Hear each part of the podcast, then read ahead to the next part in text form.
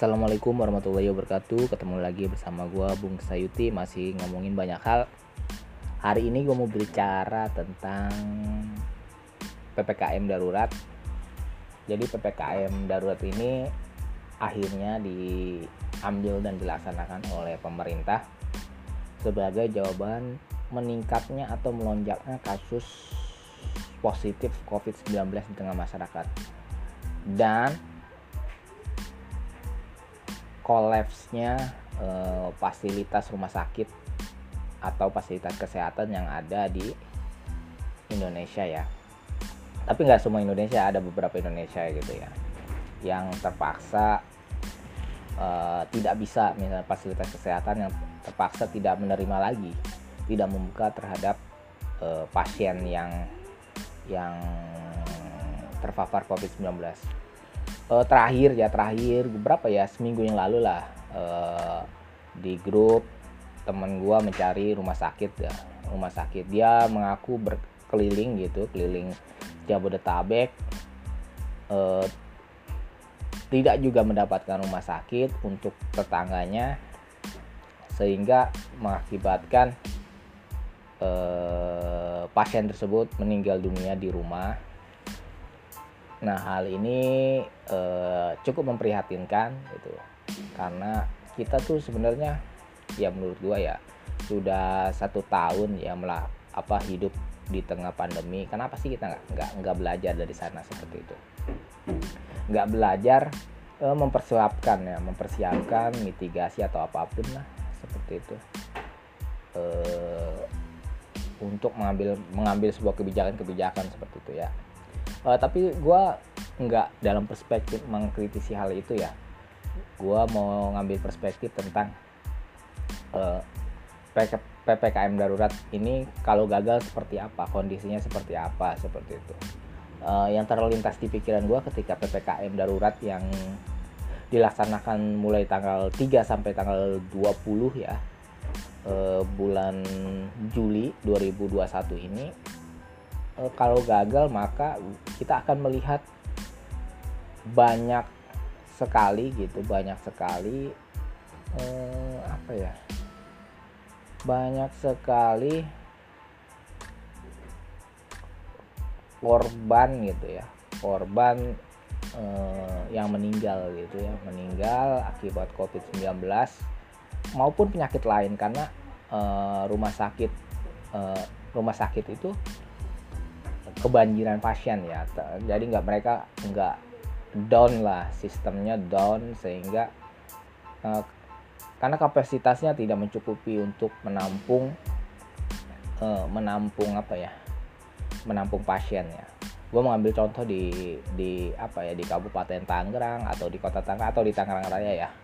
Uh, gue waktu 2017 kalau nggak salah 2017 gue pernah mendengar bahwasanya uh, jumlah uh, kasur tempat tidur di rumah sakit itu berbanding dengan jumlah penduduk. Itu masih belum sinkron ya. Maksudnya timpang gitu. Harusnya ada berapa persen gitu yang menurut statistik uh, harusnya minimal uh, 20 persen atau 30 persen. Nah itu belum tercukupi. Itu belum belum belum mencukupi. Bahkan 10 persen pun mungkin belum mencukupi seperti itu. Waktu 2000 2016 2000 2016 kalau nggak salah 2016 uh, eh, seperti itu. Kalau berkaca pada itu ya kita ketika terjadi lonjakan kasus abnormal ya di luar kenormalan gue sangat yakin uh, hampir semua rumah sakit yang ada di di Tangerang Raya bakal penuh seperti itu. Baik penyakit terhadap corona ataupun apa pun itu ya penyakit-penyakit yang lain.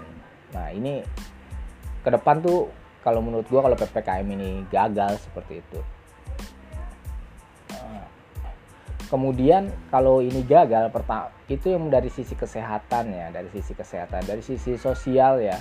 Dari sisi sosial bakal banyak orang yang apa ya e, ketakutan. Ketakutan bertemu dengan orang baru berkenalan dengan orang baru.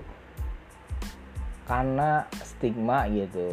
Ketakutan karena emang uh, kita nggak tahu dia itu uh, orang tanpa gejala OTG atau atau sehat gitu. Kita nggak tahu. Hal-hal seperti itu yang akan ya, yang menurut gua bakal akan terjadi ya di tengah tengah masyarakat seperti itu. Itu dari sisi dari sisi apa? Dari sisi sosial belum dari sisi ekonomi. Kalau dari sisi ekonomi ya kita paham lah sudah setahun kita merasakan bagaimana pandemi ini memukul habis semua eh, sektor-sektor yang ada sektor-sektor ekonomi ya sektor-sektor ekonomi yang ada. Nah, hanya beberapa yang mampu bertahan gitu ya. Kalau menurut gue gitu ya kalau ppkm darurat ini gagal me melandaikan gitu menurunkan e, menurunkan angka persebaran covid-19 seperti itu. Atau mungkin kalau ini berhasil ya kalau ini misalnya ppkm e, darurat ini berhasil gitu maka e, kembali normal lagi kurva e, angka pasien di rumah sakit kembali normal lagi. Namun di sisi lain mungkin akan akan banyak eh, ya menurut gue bakal kembali lagi gitu merah lagi zonanya kembali ke zona merah. Kita akan melaksanakan eh, ppkm yang berskala lebih besar lagi seperti itu. Itu hanya kalau menurut gue ya bakal terulang terulang terus lah terulang terulang lagi hal seperti ini. Maka apa yang kita bisa lakukan ya? Menurut gue ya kita harus punya mitigasi e, pribadi terutama pribadi terus keluarga e, misalnya ya kalau menurut gue sih tinggal tinggal ke depan tuh kita hanya tinggal menunggu giliran terpapar covid-19 yang bisa kita lakukan adalah e, mitigasi resiko. Oke e, kalau kita nanti tinggal menunggu giliran terpapar covid-19 apa yang kita lakukan? E, misalnya ada keluarga gimana caranya? Kita mengurus keluarga yang terpapar apa aja yang harus kita lakukan uh, ruang isolasinya di mana? Uh, terus uh, bagaimana memberikan makan atau apa pun seperti itu sehingga tidak memaparkan orang lain.